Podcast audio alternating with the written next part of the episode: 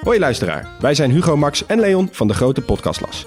Wij zijn drie geografen en elke week behandelen wij een ander land. We bespreken onder andere de geschiedenis, politiek, natuur, maar ook de sport, de muziek en natuurlijk het eten. De nijlpaarden van Pablo Escobar, de vele bunkers van Albanië en het verschil tussen een sheik en een emir zijn zomaar wat voorbeelden die langskomen. Maar we bespreken ook de geopolitieke invloed van China in Afrika en de impact van het Europese kolonialisme. Luister dus wekelijks naar de audioversie van de Atlas, de grote podcastlas. Hi, Ari hier. Even voordat we beginnen wil ik je graag wijzen op mijn nieuwe boek Trainen voor het leven. Krachttraining verbetert de kwaliteit van leven. Dat is de kern van het boek. Wanneer we ouder worden, verliezen we spierkracht. Opstaan vanaf de bank, iets boven ons hoofd wegleggen, veters strikken, evenwicht bewaren, twee zware boodschappentassen tillen of een klein kind optillen. Het wordt allemaal wat moeilijker wanneer je op leeftijd raakt. Maar die alledaagse dingen, die kun je trainen. Je kunt er op elke leeftijd nog beter in worden. In dit boek deel ik de oefeningen die ik gebruik als ik mijn ouders van 80 train, steeds vanuit een praktische benadering. Wat wil je nog kunnen als je ouder wordt? Welke bewegingen heb je nodig om goed te blijven functioneren en hoe kunnen we daarvoor trainen? Een boek voor je ouders dus. Kortie Media. Dit is een serie over voeding en Ari's gast vandaag is Harro Schwenke. Medeoprichter van Upfront, aanbieder van functionele voeding. In deze aflevering openbaart hij de marketingtrucjes waarmee de voedingsindustrie ons misleidt en hij leert ons etiketten en verpakkingen lezen.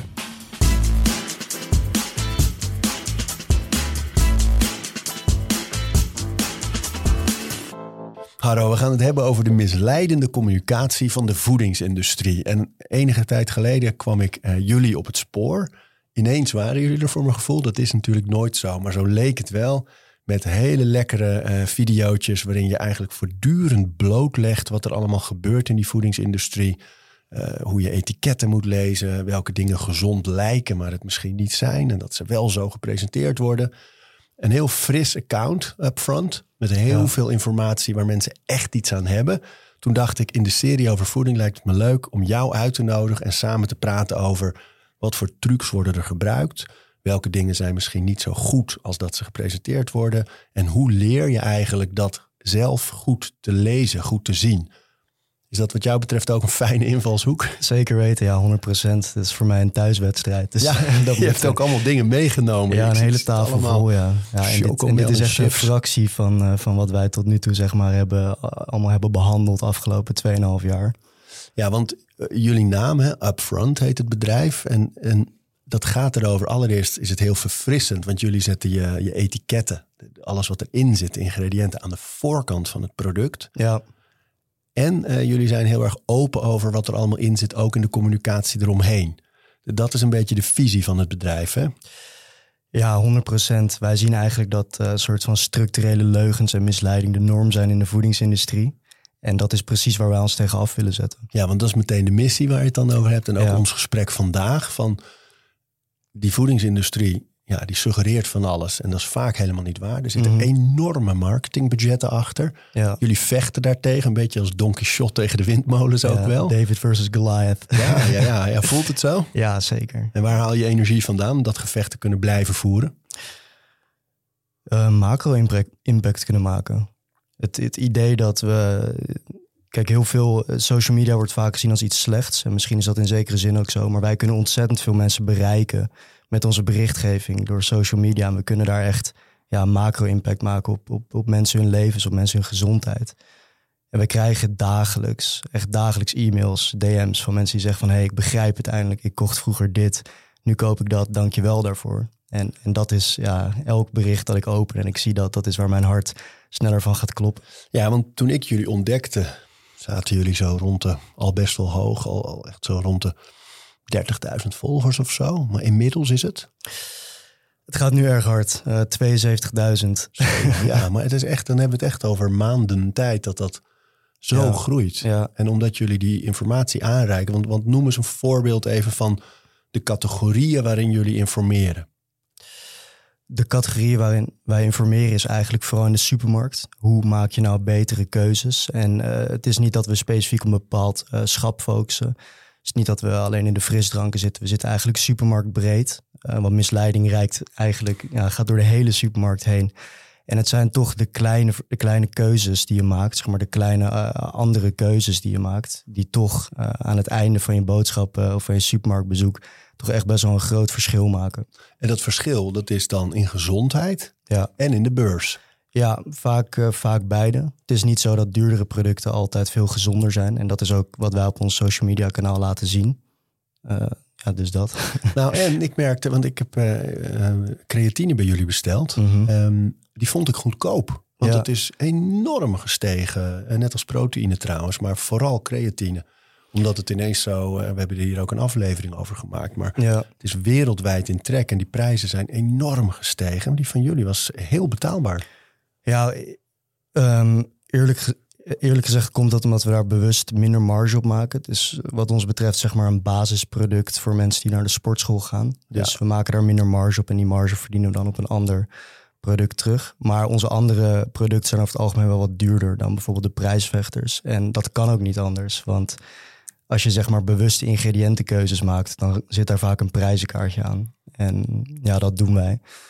Maar over die, eh, die prijzen, wij zijn, eh, wat je net ook zei, we strijden tegen de misleiding door middel van compleet open kaart spelen, volledig transparant zijn. En we gaan daar heel ver in. Eh, we hebben ook alle inkoopprijzen openbaar op de website. Dus iedereen kan precies zien, hey, zoveel geld verdienen die jongens daarop. Want hoe zit het met creatine bijvoorbeeld? Van wat is dan de inkoop? Oeh, ik denk Of uit mijn hoofd Ja, een, euro- ik je op de euro- nou, ik denk uit mijn hoofd een euro of elf Per? per, eh, per 300 gram, denk ik dan. Oh ja, ja, ja. En de verkoop is dan bij ons 21 uit mijn hoofd. Ja, Ja. Dus dat is wei- weinig marge. Dat kan eigenlijk niet uit. Maar omdat er dan vaak in een bestelling toch ook meerdere producten besteld worden, kan het dan uiteindelijk marge technisch wel uit. Ja, dat is waar. Ja, want ik heb, ik heb meteen drie potten gekocht. Ja. Ik wil eentje voor mijn ouders en, eh, en twee zelf. Maar dat, dan hebben jullie ook precies staan. Voor één betaal je dit. Voor twee is dit nog een keer de korting erop. Voor drie is dit nog een keer de korting erop. Ja, mooi systeem. Ja, het is, eh, daarmee zorg je er ook voor dat mensen eh, toch ook iets meer gaan kopen. Dat, ja, daar wil ik ook eerlijk in zijn. Eh, en dat is dan ook bij jou dan gebeurd, want jij hebt dan drie potten gekocht. Ja, ja dan ga je toch voor die bundelkorting. Ja, en ik ben ook altijd eerlijk gezegd wel een beetje bang dat er op een gegeven moment, omdat het zo eh, in trek is, dat er een eh schaar, wat van de in COVID gebeurde, hè? Ja, dat er schaarste was en dat er heel veel bedrijven het niet meer aanboden ook. ja, Dus ja daar ben ik toch altijd een beetje bang voor. Dat ik denk, ik moet altijd, altijd nog een stash hebben. Mhm. Ja, Ja, ik vind het bijzonder hoe zo'n product, eh, hoe dat opeens zeg maar, dat helemaal uitverkocht is overal. Want je zou zeggen, eh, dat, dat ligt er gewoon voldoende bij alle merken. Maar het is dan grappig om te zien dat inderdaad in, in COVID met supply chain issues, eh, dat het inderdaad overal uitverkocht was. Maar wij hadden het destijds ook nog niet. nee. En volgens mij zijn die problemen nu wel opgelost, voor zover ik weet. Ja, ja, Ja. ja. Hey, het lijkt me leuk om, om echt even producten langs te gaan. Want, want mijn doel met deze aflevering is echt dat we samen de, de, de luisteraar leren... hoe lees je nou zo'n product? Dus dat Ja. begint met die voorkant, waar al die teksten op staan en die beloftes. En ook dat, dat etiket. Maar jij hebt dingen meegenomen waarvan je zegt... laten we die langslopen. eh, kijken hoe die marketing werkt. Hoe doen ze dat nou? Ja. Hoe, hoe misleiden ze ons eigenlijk? En wat is het echt? Dat is steeds de stap, hè? Ja, 100%. Ik denk dat, eh, en dat is misschien eh, wel interessant om straks nog over te hebben, is even de, de Nutri-score. Want als je mij vraagt hoe kijk je naar een product, dan is het in ieder geval niet naar de Nutri-score. Want wat is dat?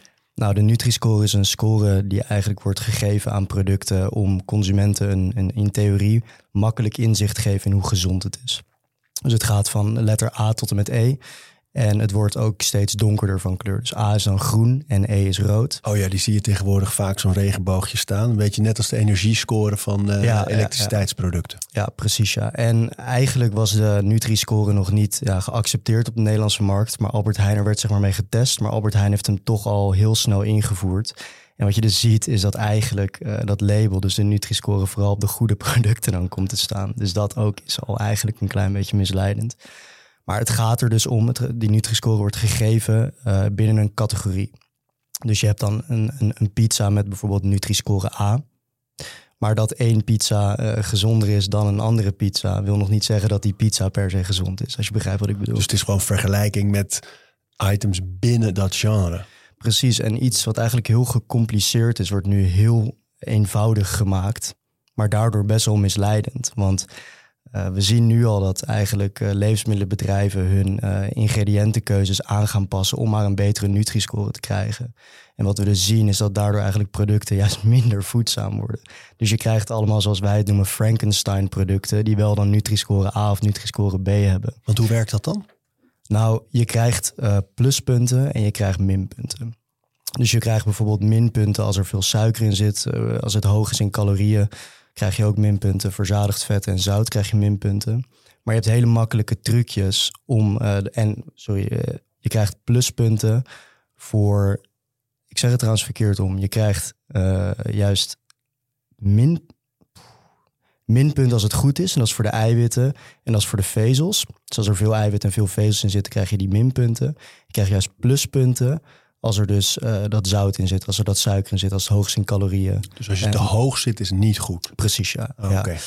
En wat we dus zien is dat uh, bijvoorbeeld producten als, uh, of ingrediënten als suiker worden dan vervangen door ingrediënten zoals maltodextrine, wat eigenlijk enigszins op hetzelfde neerkomt. En ik zal dat zo nog even verder toelichten, ook aan de hand van producten die ik heb meegenomen.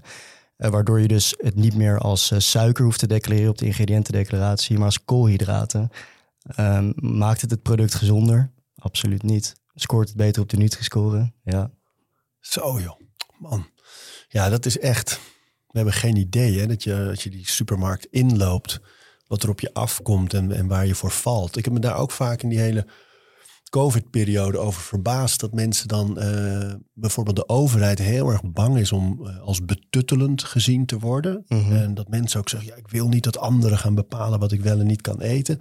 Terwijl we zelden echt doorhebben hoe we eigenlijk gemanipuleerd worden al door die hele industrie en die miljarden marketingbudgetten die daar zitten. Van da, daar vindt de manipulatie en het, en het, sturen en, en het leuren plaats. Absoluut. Ja, absoluut. En, en als we nog heel even door kunnen gaan op de Nutri-score. Je maakt dus nu eigenlijk iets heel gecompliceerd, maak je veel te eenvoudig. Maar um, wat nog erger is, is dat je dus consumenten eigenlijk dom houdt. Als ik het heel plat zeg. Want je gaat nu, je plakt gewoon een label op een product. En consumenten zitten nu van hé, hey, dat heeft label A, dus het is gezond. Maar consument gaat nooit meer die verpakking omdraaien. En ze worden daardoor nog vatbaarder voor dus de misleiding en de marketingtrucs op de voorkant van een verpakking. En dat is iets wat wij heel gevaarlijk vinden. En wij hebben ook onze tegenhanger op de Nutri-score gelanceerd. Ik weet niet of je het hebt meegekregen. Dat nee, nog niet. Upfront approved. Oh jawel, ja, dat is, uh, maar dan moet je echt een beetje lid van de community zijn om erop te kunnen, toch? Ja, precies. Dus je meldt je inderdaad aan daarvoor. Je geeft je e-mailadres en dan krijg je toegang. En wat is dat? Uh, nou ja, het is uh, wat ik zeg, een, een, tegenhanger op de Nutri-score. Dus, maar het is ook, er zitten wel wat haken en ogen aan, want het is door ons bepaald. En wij zijn ook niet degene die er echt over gaan. Maar ja, wij zijn wel productontwikkelaars, dus we hebben een bepaalde visie. En wij kijken dan gewoon uh, ook naar de beste keuze binnen schappen. Maar we zijn veel kritischer. Dus als er gewoon in een schap geen gezonde keuze is, dan komt het er niet in. En we kijken dus veel meer naar ingrediënten. Hoe voedzaam is het product? En ja, dat platform heeft nu 20.000 actieve gebruikers. En echt, uh, Arie, als je de DM's leest, het is uh, hartverwarmend. Ja, wat Men, noem eens wat? In welk opzicht? Nou, wat mensen dan sturen. Van... Oh, oh ja, nou, het is gewoon, uh, we, we, geven mensen handvaten voor in de supermarkt. Want het is dus niet, uh, hey, dit product is approved. Uh, koop het en lees je verder niet in. Er staat bij elk product staat een uitleg waarom het approved is. dus daardoor leer je mensen automatisch ook aan van, hey, dit zijn de dingen waar je naar moet kijken bij producten. En het gaat veel meer vanuit ingrediënten perspectief dan dat je alleen maar op die voedingswaarde zit.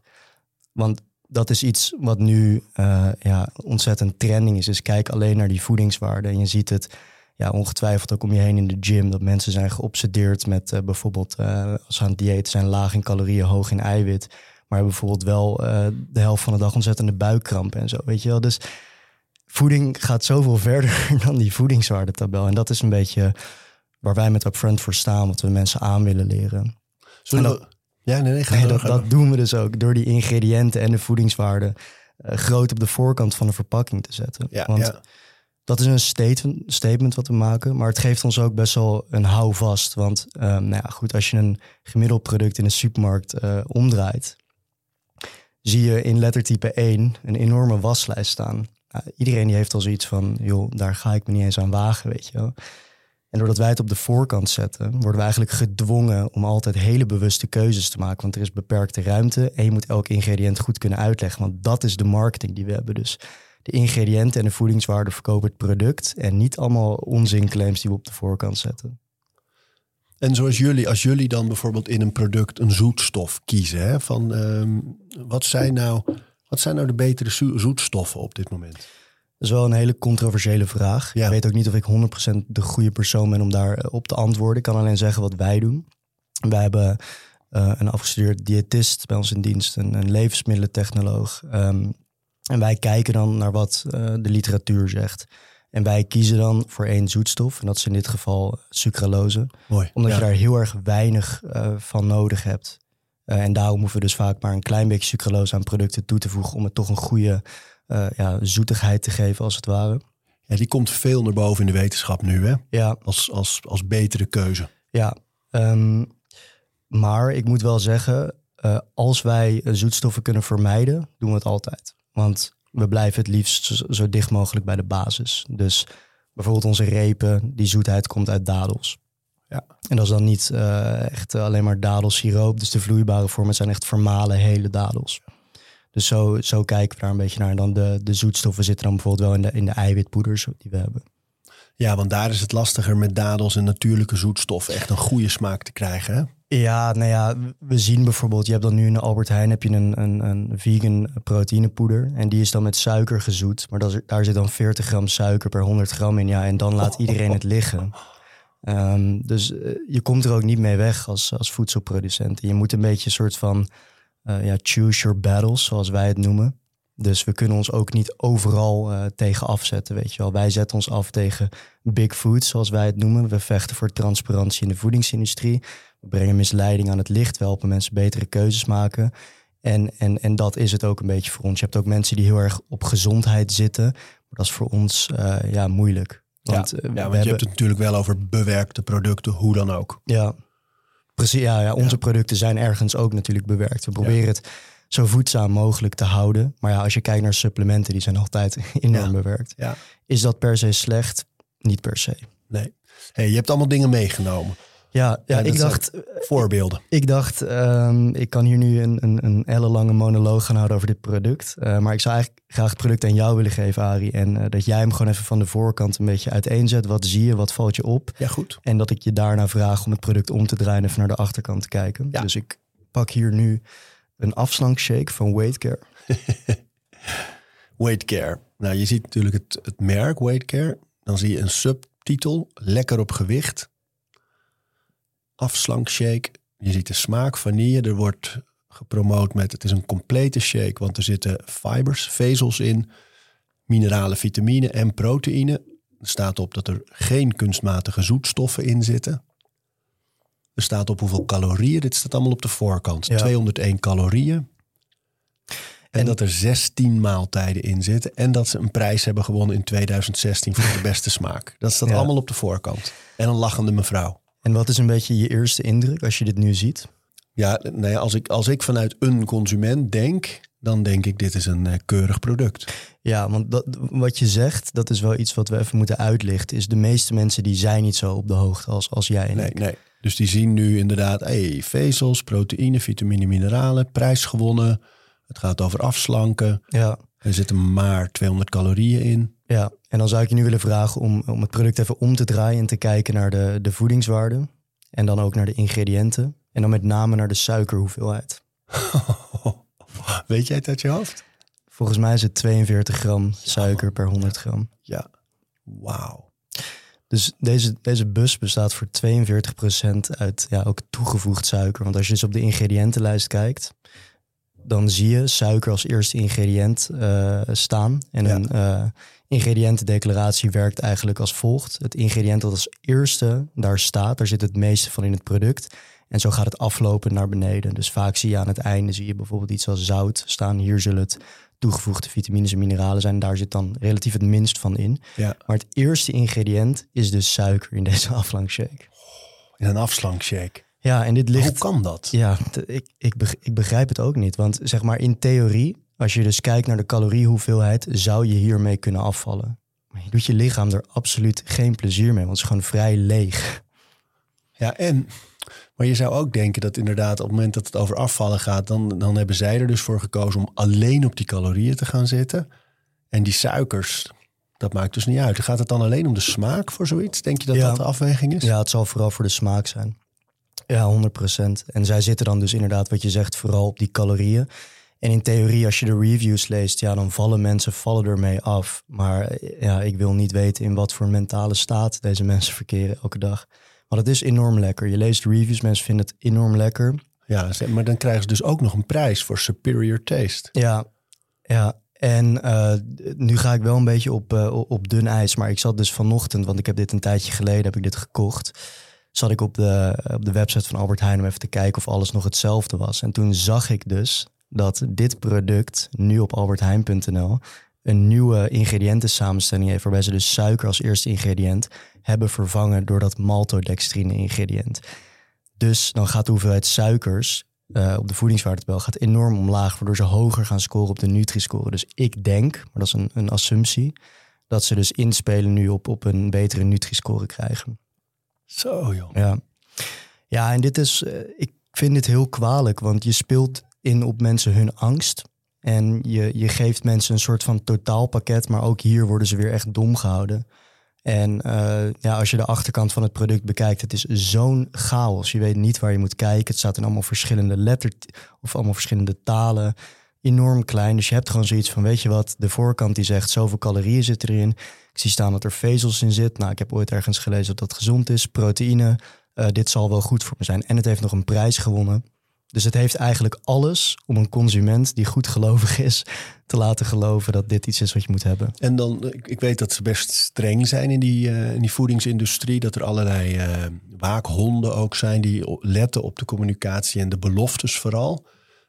Maar er is dan dus niemand die zegt: hé, hey, oké, ehm, jullie beloven dit, jullie beloven dat, jullie beloven dit. Maar je moet er ook op zetten dat er heel veel suiker in zit of zo. Dat gebeurt dus niet. Nou, je hebt wel die waakhonden. eh, en die waakhonden die zijn ook bij ons langs geweest. dat is eh, de NVWA en, eh, en de EFSA in Europa. En die kijken inderdaad of er geen claims worden gemaakt die onjuist zijn.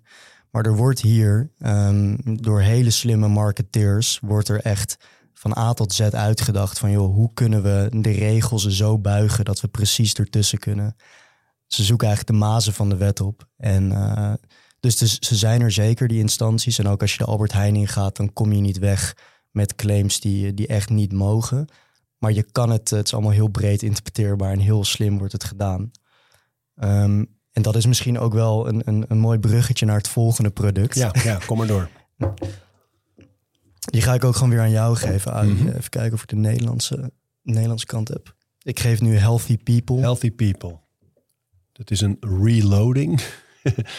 Blauwe bosbes, framboos met appel en druif. Goed voor concentratie en extra energie. Precies, en, en, en die claim, daar zou ik graag heel veel op door willen. Want Ja. als je dit eh, dus omdraait, dan zie je eigenlijk, dus als je kijkt naar de ingrediënten en voedingswaarden, is voornamelijk appelsap en is voornamelijk suiker. Nou, het is niet eh, heel erg voedzaam daardoor. En dan vraag je je af van, joh, hoe kan het dat er alsnog zo'n claim op die verpakking mag? Want hè, als consument, veel mensen leven een beetje in een sleur en je ziet staan eh, Healthy People. Healthy merk, people allereerst.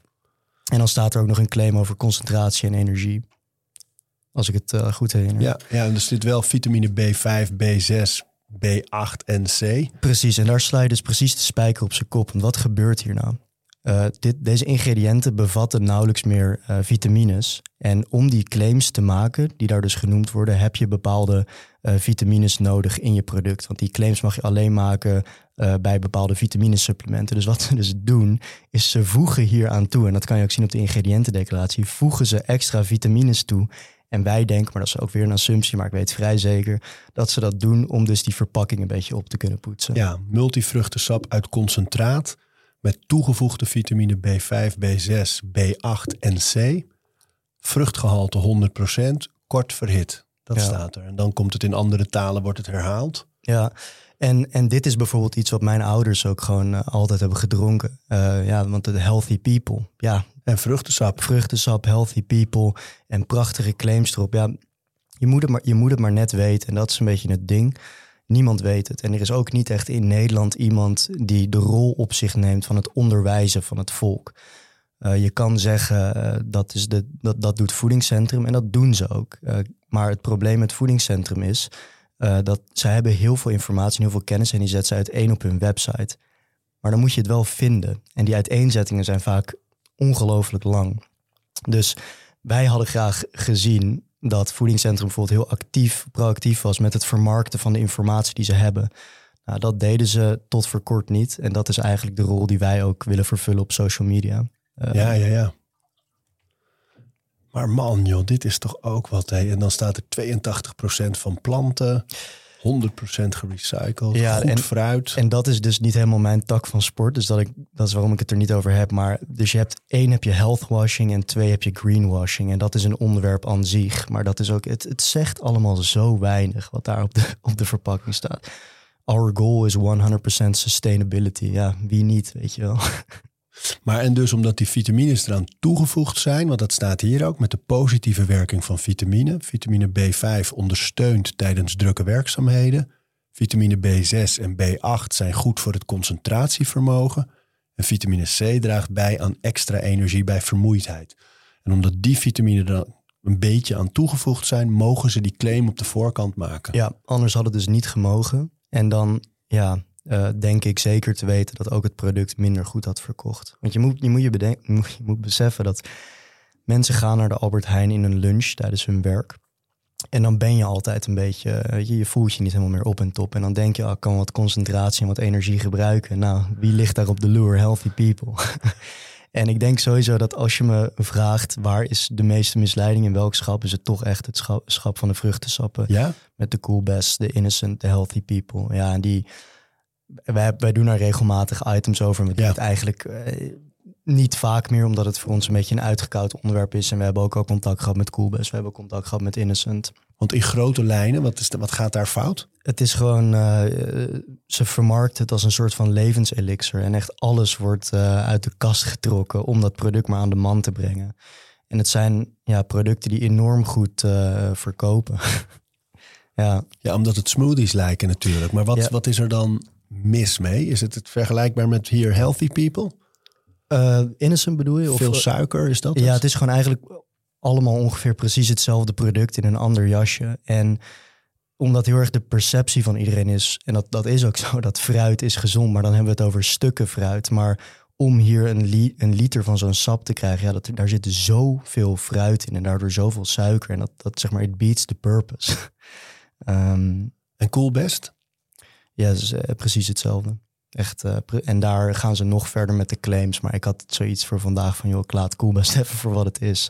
Want wij hebben ook contact met hun. En ik had laatst, uh, ja, had ik iets verkeerds iets gezegd wat niet helemaal waar was over een nieuwe verpakking. En dat rectificeren we uiteraard ook. We zijn niet iemand die alleen maar met modder gooit. En dan vervolgens, als we het een keer fout hebben, dat we daar niet op terugkomen. Zo dat, als je A zegt, moet je ook B zeggen. Dus daar bieden we dan uiteraard publiekelijk onze excuses voor aan. Dat wordt gewoon gerectificeerd. En daarom had ik zoiets van, joh, cool best. Uh.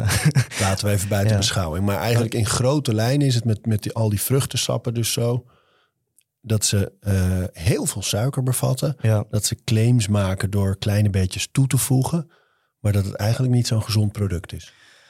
Nee, het, het is... Uh, het is objectief, denk ik, veel vruchtsap drinken is gewoon niet goed voor je. Want het, het bevat ontzettend veel suiker. Ja, en als je natuurlijk een, een duursporter bent, weet je prima. Maar mensen drinken een pak weg achter hun computer, waar ze acht uur zitten. Weet je wel? Dus ja, dat, dat is gewoon niet goed voor je. En het, wordt, en het probleem daarmee is, is dat het wordt vermarkt als iets wat gezond is. Mensen worden misleid. Dus ze moeten eigenlijk een, een slecht product met misleidende marketing aan de man brengen. En dat is het, het probleem. En denk jij dat het in die industrie echt zo is? Dat ze dat zelf ook wel weten, maar heel bewust denken: ja, het is niet zo'n goed product, maar we gaan het wel lekker wegzetten als, als gezond? Of is er iets aan het veranderen? Dat dingen die we altijd als gezond gezien hebben, zoals vruchtensap, hè, dat glas bijvoorbeeld ook, dat we daar nu gewoon meer over weten. Dat we nu weten: nee, jongens, in vruchtensap zit zoveel suiker. Dat is gewoon geen goede keuze. Dat daar iets aan het veranderen is en dat die die, die giganten in die industrie gewoon niet, niet zo lekker mee kunnen schakelen nog? Um, vind ik een goede vraag. Ik denk eh 100% dat het eerste wat je noemde, dat dat iets is wat zeker aan de gang gaat. Ja, Ja, tuurlijk. Echt het, bewust misleiden. bewust dat er bewust echt misleid wordt. Want het is een, eh, qua grondstof een heel goedkoop product. Dus de marges erop zijn enorm. En als je ook kijkt hoe vaak het eh, in de bonus is bij supermarkten, dit soort producten, dan kunnen ze dus ook blijkbaar best wel veel marge leien. dus het is iets waar gewoon enorm veel geld eh, mee verdiend wordt. En ja, ga jij aandeelhouders maar eens vertellen van joh, eh, dit, dit is, eh, jullie, of we zijn eigenlijk structureel mensen aan het misleiden. Dus we gaan zelf enorm ingeven eh, op onze marges of op het, op het geld dat binnenkomt. Dat is gewoon niet hoe het werkt. Is, is dat ook waar de oplossing zit als je in jullie missie, hè? En, en, en dat merkte je ook in die COVID-jaren toen iedereen zich afvroeg van waarom zit er nog BTW op groente en fruit? Waarom zijn eh, gezonde keuzes soms zo duur en, en ongezonde keuzes zo toegankelijk? En waarom verandert dat niet? Heb jij daar een theorie over? Hoe, je, je noemt nu het geld en de aandeelhouders. Hè? Ja. Hoe, krijg je dat omvergeworpen en, en veranderd? Ja, dus ik denk, ehm, ik denk twee dingen. Ik denk allereerst dat het eh, heel belangrijk is dat mensen bewust gemaakt worden. En dat is precies eh, wat wij aan het doen zijn. Want het tweede wat je waar je het net over had, dat mensen het niet weten. eh, ja, dat, dat, dat be- stukje bewustwording, dat komt steeds meer. Informatie wordt steeds meer eh, toegankelijk. Dus ik denk dat ja, partijen zoals wij, maar ook heel veel andere mensen in onze industrie zijn keihard bezig met die bewustwording. En ik denk ook wel dat, eh, dat dat eigenlijk de oplossing is voor het probleem. Want op het moment dat er vanuit de consument niet meer geaccepteerd wordt dat dit, dit soort producten gezond in de markt gezet worden, of het niet meer gekocht wordt omdat mensen weten dat het ongezond is, dat je daar eigenlijk je oplossing hebt. Want dan gaan inderdaad eh, verdiensten lopen terug. En dan gaan mensen zichzelf kritische vragen stellen in de vergaderingen van joh, hey, misschien zit hier toch wel wat. Kunnen we het misschien hier en daar het recept wat aanpassen? Maar dan denk ik, ja, dat zijn partijen met zo ontzettend veel geld. En die zitten vaak in groepen waar nog veel meer geld zit. En dan, dan kom je daar als klein partijtje met idealisme tegenover. Maar dat, dat, ja, daar heb je toch niet de lange adem voor.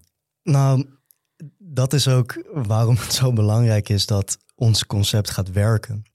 Want als wij heel groot worden en eh, ons concept, hè, dus zet alles op de voorkant, is iets wat consumenten echt gaan ja, demanden van andere bedrijven, dan gaat er structurele verandering plaatsvinden.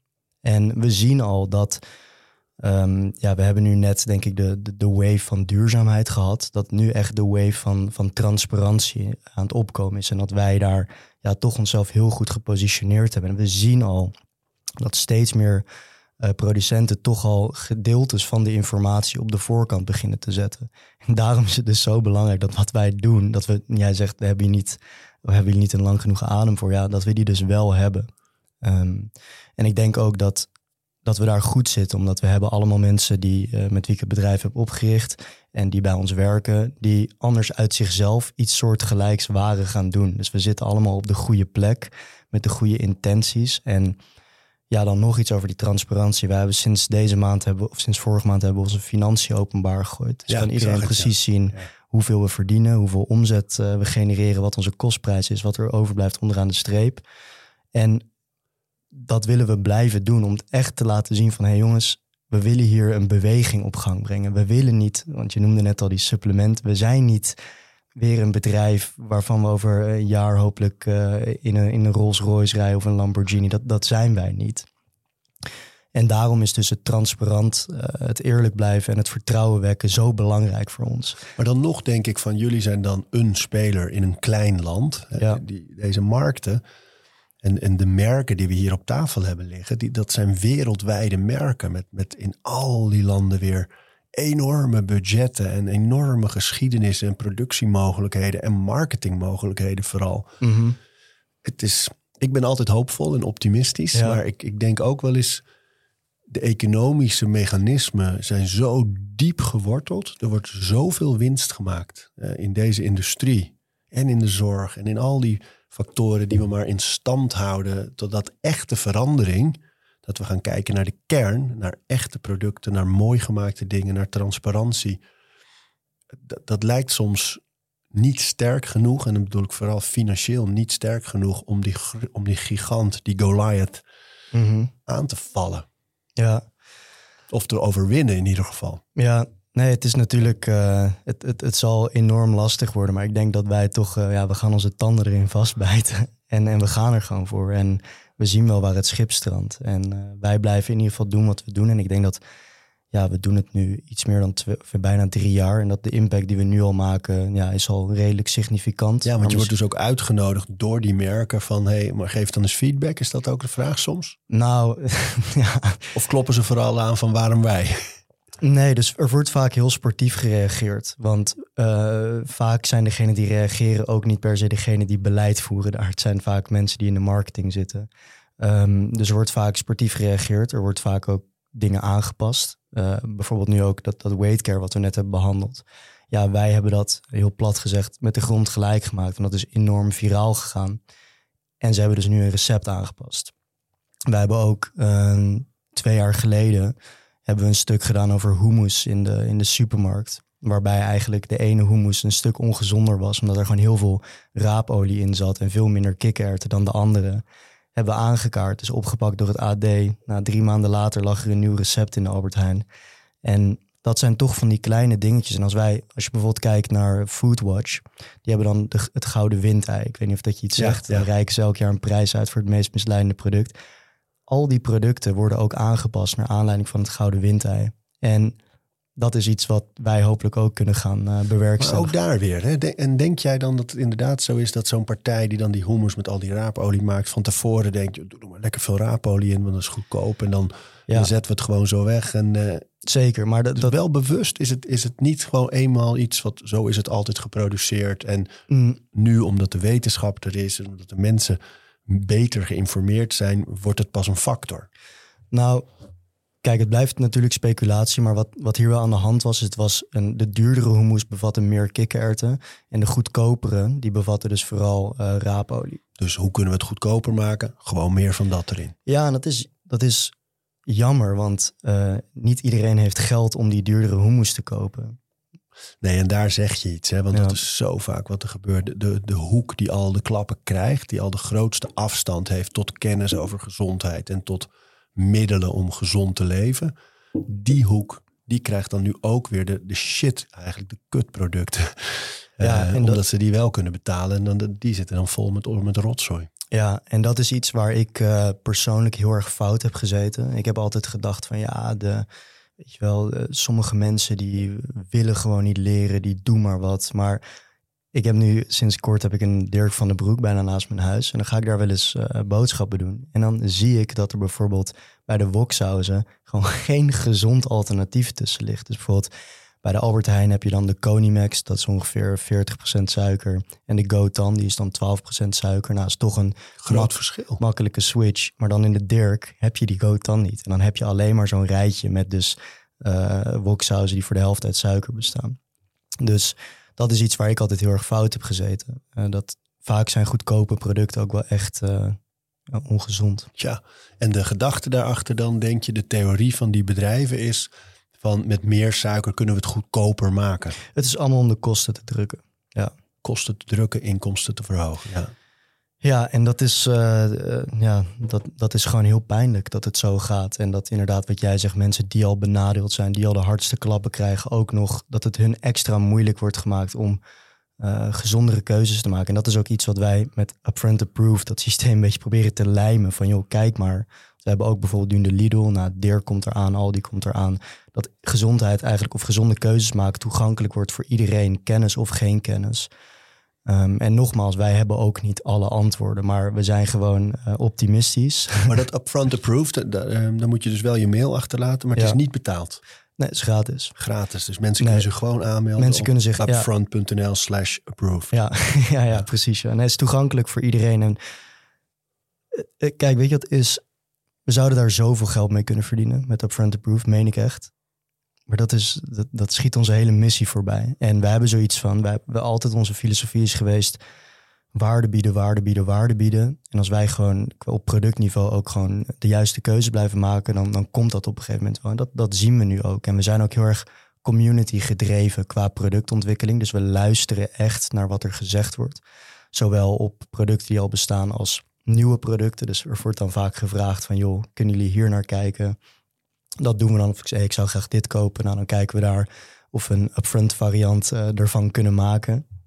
Ehm, ja, dat is misschien wel een leuk om even op in te steken. Is, Ja. Ik heb hier een, eh, een verstegen eh, kruiden, kipkruiden. En nou, dat is iets wat bij veel mensen wel gewoon in het keukenkastje staat. En dan moet je Arie even kijken hoeveel zout daarin zit. Wow, Ja, 52,2 ja. gram. En dan heb je nog de traditionele, maar die was net uitverkocht bij de Albert Heijn. Die bevat iets van 70 gram. Suiker. Nee, nee, zout. Oh, zout, zout, zout, zout, zout, ja. zout, zout. Ja, dus dat zijn ook weer... Kijk, mensen die denken... oh, ik gooi even wat, wat smaakmaker over mijn, eh, over mijn kip of vlees heen. En je weet het niet. Je denkt gewoon, ja, wat, wat zal het nou uitmaken? Maar je gooit zo dus echt... Maar meer dan de helft van dit product is zout. Ja, en wat wij dus toen hebben gedaan... is we kregen van veel mensen de vraag van... hey, kunnen jullie eh, Kipkruiden. je eigen kipkruiden maken? en eh, hier staan dan de voedingswaarden niet op. Dat hoeft eh, ver- officieel niet bij kruiden. Waarom, weet ik niet. Maar we hebben er geen zout aan toegevoegd. Dus we hadden zoiets van, ja, dan kunnen we het label iets mooier maken. En op de website staat dat uiteraard ook. Maar hier zit dan geen zout aan toegevoegd. En wat je dus doet, is je gooit het over je kip heen. En je gooit dan zelf eventueel een klein beetje zout eh, erbij. Want zout helpt met de smaken beter tot zijn recht laten komen. En do- door dus dit soort kleine veranderingen te doen... Ja, bespaar je zo 5 gram zout op je, op je gerecht.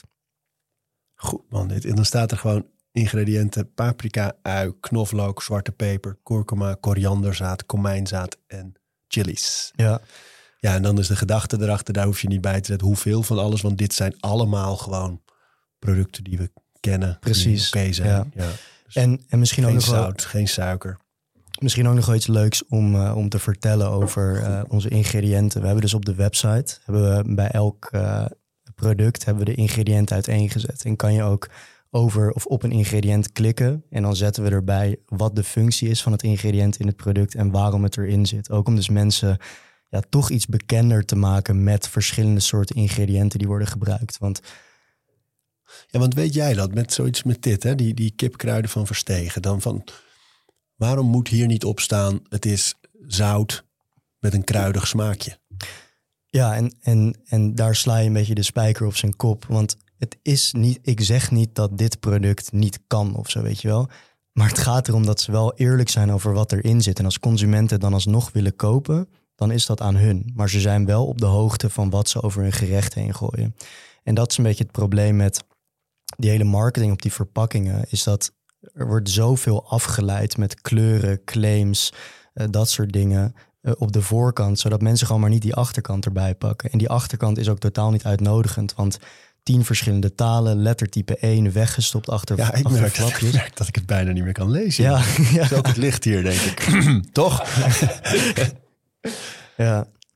Zo, hè. je hebt nog meer dingen bij. ja, ik heb nog meer dingen bij me. Ehm, kunnen we deze er even bij pakken? Dit Ja. is een, eh, een, een stevia zoetstof.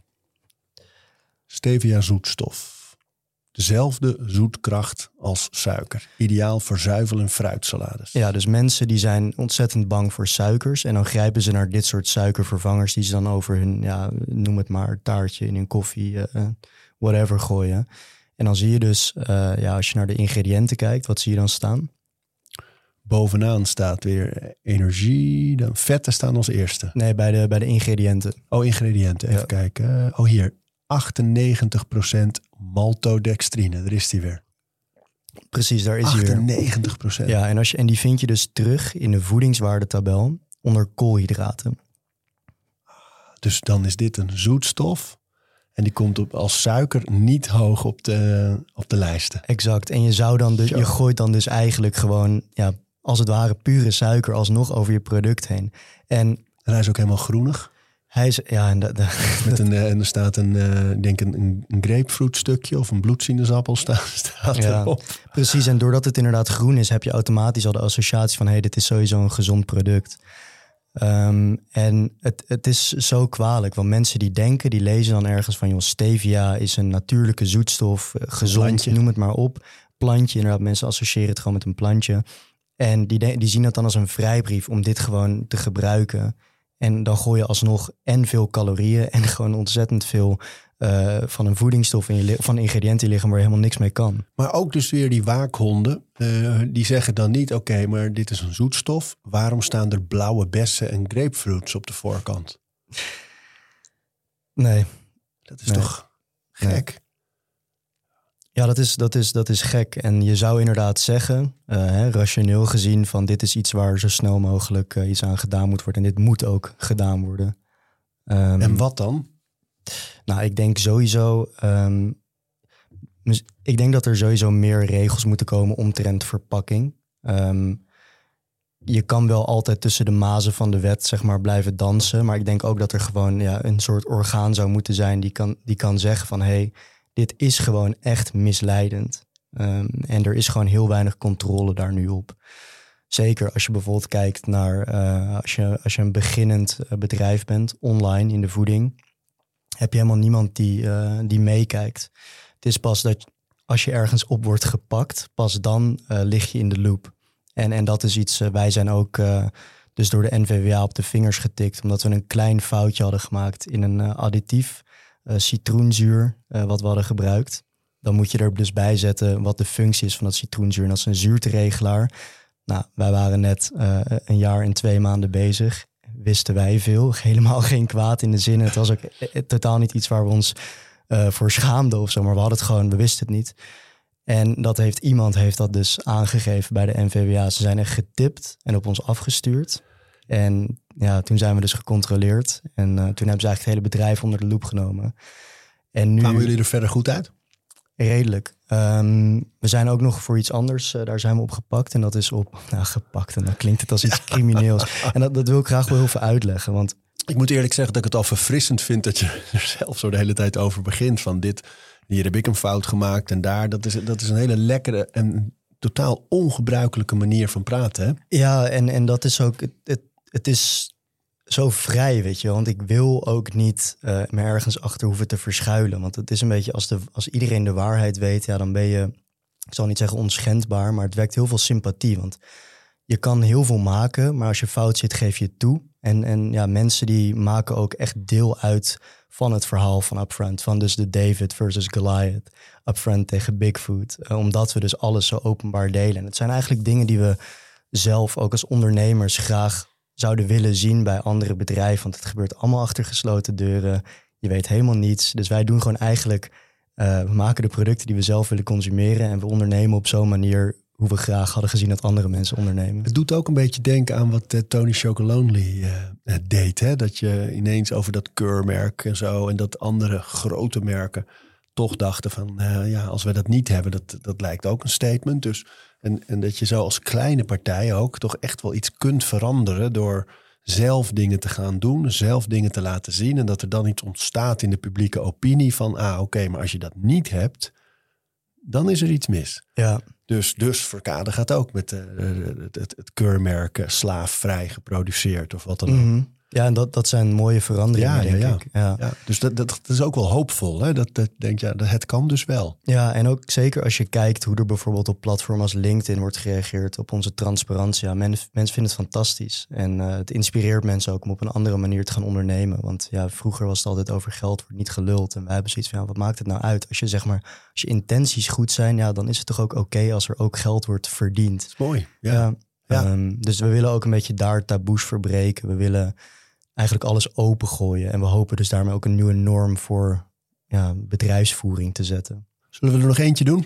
Zeker, maar ik zou graag eerst nog heel veel over die pre-workout. Want dat Ja. anders, eh, krijg- ik, we hebben Oh vaak ja, in onze eigen podcast dat we dan zeggen we gaan het erover hebben. en dan kom je op een dwaalspoor en dan vergeet je het. En dan krijg je achteraf allemaal Ja, van ik die- doe altijd als mensen zeggen, daar kunnen we het zo nog over hebben, zeg ik, doe maar nu. Ja, ja, Want, ja. anders vergeet ik het. Dat, eh, Ja. Of vergeet ik het, of we hebben geen tijd. Ja.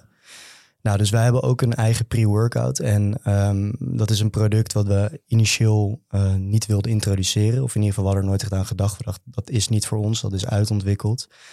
Maar de vraag die, die bleef komen. Elke dag weer van, joh, kan er geen upfront alternatief komen op eh, pre-workouts? Ja, Dus want de kritiek daarop is vaak eh, veel te zoet, veel te veel cafeïne. Ja, enorme crash na afloop, Ja. hartklopping, noem maar op. En toen hebben we toch, is onze voedingswetenschapper Jelle is erin gedoken. En die, is helemaal, die heeft zich echt een aantal weken helemaal vastgebeten in de literatuur.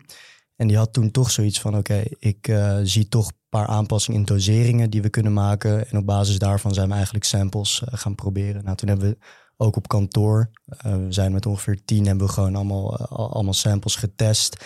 En na een half jaar hadden we iets waarvan we echt zaten, wauw. Dus dat product hebben we op de markt gebracht. Maar we hebben ook voor onze, zoals we altijd onze ingrediëntenkeuzes uitleggen, hebben we hier ook onze doseringskeuzes uitgelegd aan de hand van die studies. Nou, en dat mag dus niet. Want je gaat dan zelf, uh, ga je eigenlijk iets presenteren als waarheid. Maar in Europa heb je een orgaan, de EFSA, en die hebben een soort van ja, een, een monopolie op wat wel en niet de waarheid is op basis van wetenschappelijk onderzoek. Uh, en dat is ergens goed, want ze zoeken het enorm goed uit en het klopt ook vaak wel uh, wat er geadviseerd wordt. Maar het is ook een heel langzaam orgaan. Dus voordat dat daar eenmaal doorheen is, weet je wel, en wij uh, liggen nu onder de loep. Dus voordat wij dan iets kunnen claimen, dan zijn er andere bedrijven die het al vier jaar daarvoor kunnen claimen, weet je wel. Um, dus toen werd je op de vingers getikt. En, en daar hebben we een kleine boete voor gekregen. Heel schappelijk, soort van een waarschuwing. Maar dat vond ik toch wel, wel interessant. Want je denkt, joh, je doet zo goed je research. Je legt alles goed uit. En dat dat soort dingen dan niet mogen. En dat voelt ook heel oneerlijk. Want wij doen dan iets uit goede intenties. En dan zie je allemaal dit soort producten. En dan denk ik, weet je wel, pak hun. Ja. Ja, maar ja, daar zitten hele teams op natuurlijk om te kijken. Dit kan net. Ja. Dan blijven we net aan de goede kant. Ja, precies ja. En ik denk als we dan nog even een product erbij pakken. Ja, um, ja dit is toch echt iets waar mijn, uh, mijn klomp uh, recent van brak, is uh, Nesquik. oh ja, die en dan, heb ik gezien. En dan met name de Nutri-score die hierop staat. Oh ja, ja. Nutri-score B. Ja. Van A, B, C, D, E is B dus is eigenlijk een hele goede score. Ja. With sustainability sourced cocoa, cacao en vitamine D zit erin. Het is Wake Up Your Milk met Nesquik. Ja, en dan, Nestlé. en dan kijk je naar de, naar de voedingswaarde en dan, uh, ja, dan breekt je klomp. 75 gram, ruim 75 gram suiker. Ja. Chocolademelk. Ja, en dit is dan ook weer iets. Dan sta je als, uh, misschien als moeder of vader, sta je voor het schap. En dan denk je van, hé, hey, Nutri-score B. Uh, ja, dat, dat klinkt best gezond. Dat wil ik best aan mijn kind geven. En dan, ja, 75 gram suiker per 100 gram. 75 gram per 100 gram. Ja. Dat is gewoon bijna, het is gewoon suiker met cacao. Ja, en dan, dan zie je bijvoorbeeld ook, zie je dan uh, die vitamine D toegevoegd. En dan denk ik van ja, waarom, weet je wel? Dat is ook gewoon weer om, hey, vitamine D, dat heb ik in het nieuws gehoord. Dat moet je suppleren. Nou, chocomel drink je vaak warm als het koud is. Dus dat is ook weer iets wat dan op zeg maar emotie inspeelt. Van oh, er zit ook vitamine D in en Nutri-score B. Ja, Fantastisch. calcium misschien. Oh, nou, sustainable, sustainable sourced cacao. Weet je wel, dan het, het, het tikt alle, alle hokjes. Dus het lijkt bijna alsof hoeveel positieve claims kunnen we maken om een uh, heel ongezond product te verkopen. Ja, dat, precies. Dat lijkt bijna wel de strategie. Hè? Exact. En, en, en onze filosofie is dus dat we echt zoiets hebben van, joh, de inhoud van de verpakking moet het, het verkopen. Dus waar het uit bestaat. En dat is eigenlijk ja, precies wat er nu niet gebeurt. En ik kon bijna die suikers niet vinden op deze, want dan staat er altijd gewoon eerst koolhydraten waarvan uit suikers. En daar ja. staat dan die, die 75,7 procent. Precies, ja. Man, man, man, man, man. Het is, je wordt een beetje moedeloos want, van. Want als ik, als ik een vraag aan jou mag stellen, hoe ervaar jij bijvoorbeeld een, een, een trip naar de supermarkt? Hoe baan jij je een weg tussen alle keuzes in het schap? Nou, um, één, één ding wat voor ons heel goed werkt. Wij wonen in het buitengebied. Ja. Dus wij uh, werken met Crisp. Uh, oh ja. boodschappen bestellen. En dat Ja. is natuurlijk wel iets duurder. Dus dat moet je je kunnen veroorloven. Um, maar daardoor bestellen we dus wat we nodig hebben. Dat scheelt ontzettend veel al. Dat je niet door die schappen hoeft te lopen met al die verleiding en al die marketing. Um, dan zijn er in de supermarkt nog wel bij ons in het dorp halen we nog wat extra dingen. Maar dat zit hem echt in de basis. Dus de, dan gaat het meer over wc-papier en luiers Ja, ja. dan over voedingsproducten. Um, brood, vlees, dat soort dingen haal ik bij, bij de ambachtsplekken. Dus ik ga voor brood naar een bakker. Dat haal ik niet in een supermarkt. Ik ga voor vlees naar een slager. Dat haal Ja. ik niet in een supermarkt. Dus op die manier doen wij het eigenlijk een beetje. En, um, maar dan nog, kijk, ik bedoel, mijn kinderen drinken wel bijvoorbeeld appelsap. Nou, dat Ja. staat ook echt bekend om hoeveel suiker erin zit. ja. Dus daar ben ik nu dan af en toe, dan doe ik die bekertjes vol, dan doe ik een paar slokken water bij. je. Zo ben ik daar een beetje aan het, aan het zoeken. ja. En in de supermarkt zelf, van ik, ik, ik denk, waar ik denk ik wel eens over de jaren ehm, ver, misleid ben, uh, is, is bij repen. Dat ik dan bijvoorbeeld uh, van die proteinbars, weet je wel. En als ik, als ik ze nu dan bekijk, sommige van die proteinbars, zoveel suiker ook. ja. Um, En ja, mijn, mijn tendens, mijn koers nu is wel zo min mogelijk bewerkt voedsel. Ja. Dus, dus ik, ik probeer wel voor ons thuis ook zoveel mogelijk eh, mooie producten. En ook als het bewerkt is, bepaalde wijnen of brood is natuurlijk ook gewoon. Ehm, dan haal ik het wel het liefst bij iemand die er met liefde aan gewerkt heeft. Ja, dat is ja. een beetje mijn koers. Ja. Dus ik, ik ben niet zo vaak in een situatie in een supermarkt dat ik voor zo'n schap sta en nog moet gaan kiezen tussen alle ontbijtgranen. Ehm, maar als ik dat wel zou doen, ja, dan, dan kijk ik toch wel sneller naar de achterkant dan de voorkant. ja. De Ja, nee. situaties dat ik erin kom, ben, daar ben ik daar meer mee bezig. Mhm. En ik denk ook wel vaak met mijn kinderen. En Mijn mijn dochter zegt nu bijvoorbeeld heel vaak: Pap, mogen we chips? En dan, en dan wijs ik naar een bepaald eh, merk waarvan ik weet van, nou, daar zit tenminste een visie achter en een Mhm. gedachte. En, eh, en dan hoor ik, hoor ik mijn zoon, pap, ik denk dat het niet mag, maar ik wil zo graag die. Maar dat is niet goed gemaakt, hè? Dat zegt hij dan echt al. Dus dat vind, dat vind ik wel mooi om ze een beetje mee te geven. Je kan dingen met liefde maken. Je kan nadenken over een product of een, een ambachtelijk product maken.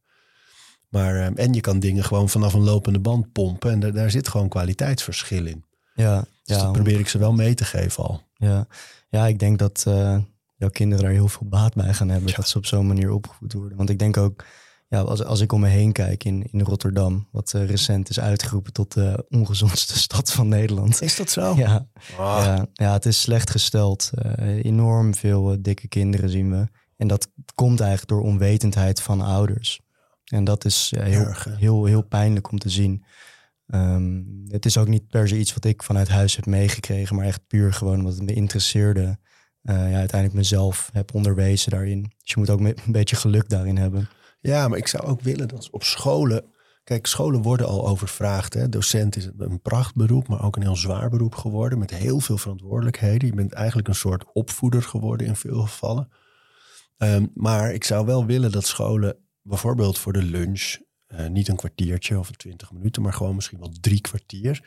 En dat je ook echt over het eten gaat praten. En dat je misschien op elke school een tuin hebt waar groenten verbouwd worden. En waar, eh, of, of neem ze eens mee het boerengebied in en laat eens zien hoe dingen groeien en gemaakt worden. Dat die vorm van educatie eigenlijk serieuzer genomen wordt. En dat er bij eten wordt stilgestaan.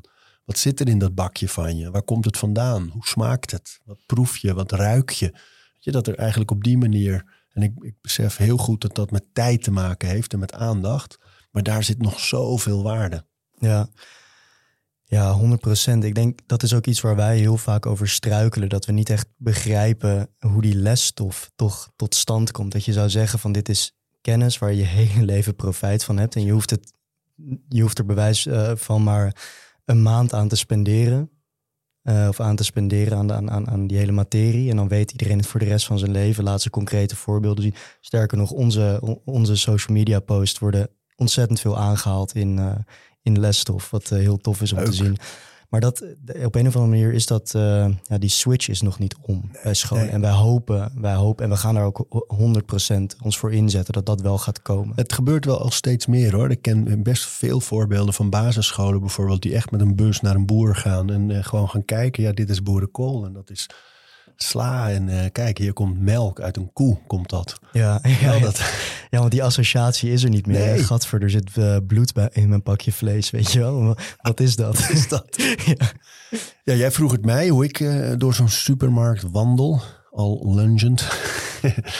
Ehm, en jij, als jij, als jij er staat, wat... Je bent natuurlijk een vakidioot inmiddels. ja, een Maar voedingsgekkie. ben je alles aan het omdraaien? Ehm, ja, ik probeer wel vaak met een plan al de supermarkt in te gaan. Want ik weet zelf ook, eh, ondanks dat ik veel weet, ik ben toch best wel vatbaar. En op een gegeven moment als je, ehm, ik weet niet of je bekend bent met het begrip ego depletion. Het is gewoon als je heel veel keuzes hebt gemaakt, ben je zeg maar veel, eh, is het gewoon moeilijker om echt rationele keuzes te maken. En dat is ook in een supermarkt. Je begint zeg maar bij het groente en fruit. En dan, weet je wel, je bent nog wel goed gestemd. Maar aan het einde, als je door de schappen met, eh, met chips en frisdrank en zo moet... Ja, dan heb je zoiets van, oh, dit is toch wel lekker. Ik, ik pak dit wel, weet je. Of het één keer kan geen kwaad. Dus ik probeer wel vaak een, eh, een, een plan te hebben. Oké, van ik ga dit en dit kopen. Eigenlijk eh, probeer ik wel zelf voor lunch vaak al iets thuis te maken de avond ervoor. Want als ik dan nog naar de supermarkt moet, ja, dan Ja, dan ga je eraan. we weten hoe het gaat. Ehm, Nou, dat is een goeie, ja. Van, ik heb ook wel eens Ehm, en toen ik wel in de stad nog woonde en gewoon eh, vaker naar de supermarkt ging, had ik ook ehm, de, de regel even een hand noten voordat ik ga. Dat ik Ja. niet met honger door de supermarkt loop. Levensgevaarlijk. Ja. en, eh, en dat ik altijd met een boodschappenlijstje werkte ook. Van, en daar wijk ik niet van af. Weet je, dat, dat is een soort houvast van... Oké, dit gaan we halen. En niet ook nog andere dingen die ik niet nodig heb. Ja, Dus dat werkte ook wel eh, heel goed. En ehm, een weekplanning maken. Dus echt van tevoren gaan zitten samen van wat gaan we deze week allemaal eten. En dat voelt niet impulsief. Alleen het geeft zoveel rust. Als je weet, maandag is dit de warme maaltijd. En dinsdag dat en woensdag dat. Dus ik moet zorgen dat ik van maandag tot en met donderdag in ieder geval in huis heb. Deze groenten, dit aan fruit, dit aan eh, aardappels of rijst. Eh, dat, werkt, dat geeft ook rust. Als je gewoon, dat is ook een plan natuurlijk. 100% Ik denk ook wel dat ik ben over het algemeen best wel stressbestendig. Maar soms als ik de supermarkt inloop zonder plan en ik weet niet wat ik ga eten, dan kan ik wel echt gewoon licht gestrest raken daarvan. Want je hebt zoveel keuzes. Ehm, maar goed, hoe, ik verder eh, ja, de supermarkt inloop. ehm, ja, allereerst probeer dus vaak een plan te hebben. Maar als ik dat niet heb eh, en ik kijk, het hangt er natuurlijk vanaf wat je nodig hebt. Dus stel je voor, je hebt net gesport dan ben ik natuurlijk op zoek met, eh, naar iets met, met eiwitten. En ben ik bijvoorbeeld ook niet bang dat ik wat suikers binnenkrijg. Maar wat ik dan doe is ik sta voor een schap eigenlijk. En ehm, ik kijk niet naar de Nutri-score. dat, sowieso. En ik Is kijk dat altijd een slecht idee, die Nutri-score, om daar Nou, te kijken? Nee, dat is, het is niet altijd een slecht idee. Het zal voor, voor veel mensen zal het wel helpen. Maar het is niet iets wat zeg maar voor iedereen... Het is gewoon niet op elk product toepasbaar. En het is ook niet echt... Het is, ik denk dat het echt een heel slecht idee is... om mensen gewoon structureel dom te houden. Dat, dat, dat, dat denk ik echt. Dat is, want ook niet elk dieet werkt voor iedereen. Als je begrijpt wat ik bedoel. Je moet het zelf ervaren. Je moet jezelf inlezen en zelf eigenlijk experimenteren. Maar daar kijk je niet naar. Waar kijk jij het eerst naar? Nou, ik, voor mij is altijd ook wel een red flag... is dus een product met ontzettend veel marketingclaims... en bombarie en kleuren en zo. Want je zal toch zien dat vaak de producten die beter in elkaar steken... die, die hebben dat vaak niet. Dus dat is ehm, voor mij altijd iets wat, wat wel alarmbelletjes doet rinkelen. Nou, dan draai ik uiteraard een, een product om. En wat ik eigenlijk als eerste doe is... ik doe een hele kleine scan van de ingrediëntendeclaratie. Want vaak als ik zie dat er echt een enorme waslijst staat, dan weet ik al, dit product is zo eh gefrankensteined en zo zeg maar bewerkt dat het vaak niet heel voedzaam meer is. Dan is alles achteraf nog toegevoegd. Dus ik ga dan niet eigenlijk alles eh, ontleden, maar ik kijk, doe gewoon een hele korte, ik kijk er heel even naar. En Dus als hoe ik zie- korter de ingrediëntenlijst, hoe beter eigenlijk. nou ja, dat, dat is niet per se een regel, maar dat is een regel die ik aanhoud. Dan weet ik gewoon dat het minder bewerkt is, dat het een puurder product is. Vervolgens kijk ik eh, inderdaad naar de voedingswaarde. Hey, is dit iets waar ik op dit moment profijt van heb? Dus ik heb bijvoorbeeld net gesport, dan wil ik iets wat eiwitrijk is. En ja, iets aan suikers kan ik dan op zich ook wel gebruiken. Nou, ga ik bijvoorbeeld, eh, wil ik lunchen en ben ik op zoek naar een broodje en wil ik niet daarna een enorme eh, crash in mijn energie heb, zorg ik dat ik natuurlijk eh, vezels binnenkrijg. Eh, als ik erachter kom dat het inderdaad de voedingswaarde heeft waar ik naar op zoek ben, dan ga ik eigenlijk de ingrediënten doorpluizen van hey, eh, bevat dit inderdaad eh, volkoren tarwemeel en niet eh, bloem. Weet je, want dat is natuurlijk veel minder voedzaam. Dus eigenlijk zijn dat een beetje de stappen die ik, eh, die ik neem. En ik denk wat ook nog wel een concrete tip is, die ik net ook al gaf, maar misschien toch goed om te herhalen. Het ingrediënt dat als eerste gelabeld staat, is het ingrediënt wat er het meeste in zit. Mooi man. En ehm, aan die voorkant, hè, want dat is dan de ingrediëntenlijst. En je had het net over die loze beloftes. Nou weet ik dat er veel groen gebruikt wordt om gezond te suggereren. Ja, Ehm, en je zegt hoe meer van die marketingkreten, rijk aan dit, meer dat, eh, plus dit, toe- toegevoegd, vitamine dit en dat. Hoe meer van die claims, hoe groter de kans dat het misleidend is. Ja, absoluut. Want als een verpakking relatief kaal is, dan is het moeilijk om te misleiden. Want dan gaat toch, eh, ga je uit dat je een consument aanspreekt die toch wel gaat kijken, hè, wat zit erin. En als je product dan klopt, zal het ook gekocht worden. Die hebben niet eh, dat nodig. Dat ze, eh, die spelen niet op impuls aankopen in. En dat is wat heel veel mensen, heel veel merken, zoals bijvoorbeeld de Cool Best en Healthy People van deze wereld wel doen. Die hopen dat ze gewoon zien, eh, of dat een consument denkt van hé, hey, dit is gezond. Dit pak ik, ik gooi het in mijn mandje. Niet dat er dus op de achterkant gekeken wordt. Je hebt nu ook eh, Holy, hè? die, eh, die ontbijtgranen. Die zijn ook goed bezig. Die hadden laatst ook een soort campagne tegen de andere ontbijtgranen... waar zo ontzettend veel suikers nog aan toegevoegd waren. Ja, eh, prachtig merk. We zijn eh, groot fan en hebben ook wel een beetje contact hier en daar. Ze doen, Leuk. het, ze doen het erg leuk. En ik vind het heel tof om te zien dat ze de marketingkraan open hebben gegooid. Want Ja. Voorheen lagen ze in de supermarkt. En was het, of nou, ze liggen al best wel een tijdje in de supermarkt. Was heel erg een niche product. Dus de kenners, eh, die kochten het.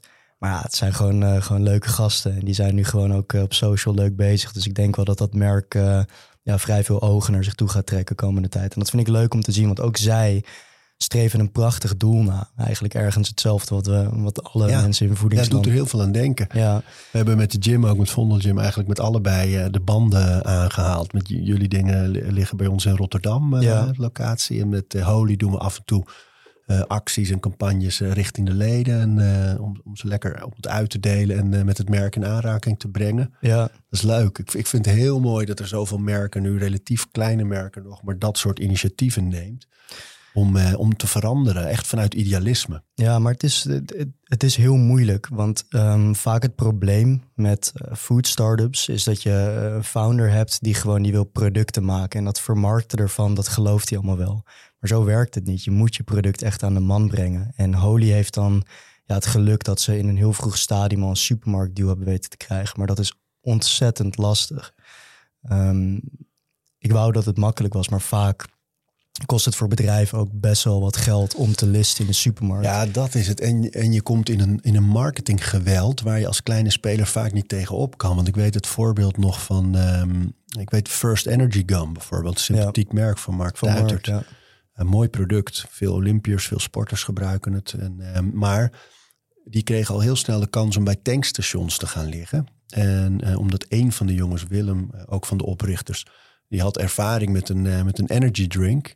Ehm, waar hij ook de kans kreeg bij een tankstation. En op het moment dat hij dat deed met een klein merkje, zette Red Bull en een andere zette even de marketingmachine aan en bliezen hem gewoon weg. Want hij was gewoon onzichtbaar in dat schap, Ja. in, die, in die tent.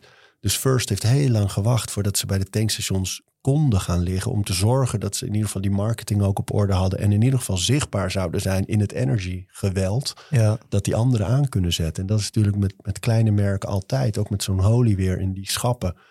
Van ja, eh, zorg maar eens dat je zichtbaar bent. Joh. In, in dat, geweld en die industrie met al die misleidingen en al die budgetten. Die is zo krachtig. ja, want die budgetten zijn enorm. Zo. De, de zakken zijn enorm diep. En eh, ja, ik, ik vind het een mooi voorbeeld wat je aanhaalt. Want ik denk inderdaad, dat geweld waar je in terecht komt. Jij, je bent natuurlijk, eh, je maakt een product, je hebt het beste met mensen voor. En daardoor denk je in één keer van ja, dit gaat 100% gekocht worden. Maar dat is helaas niet hoe het werkt.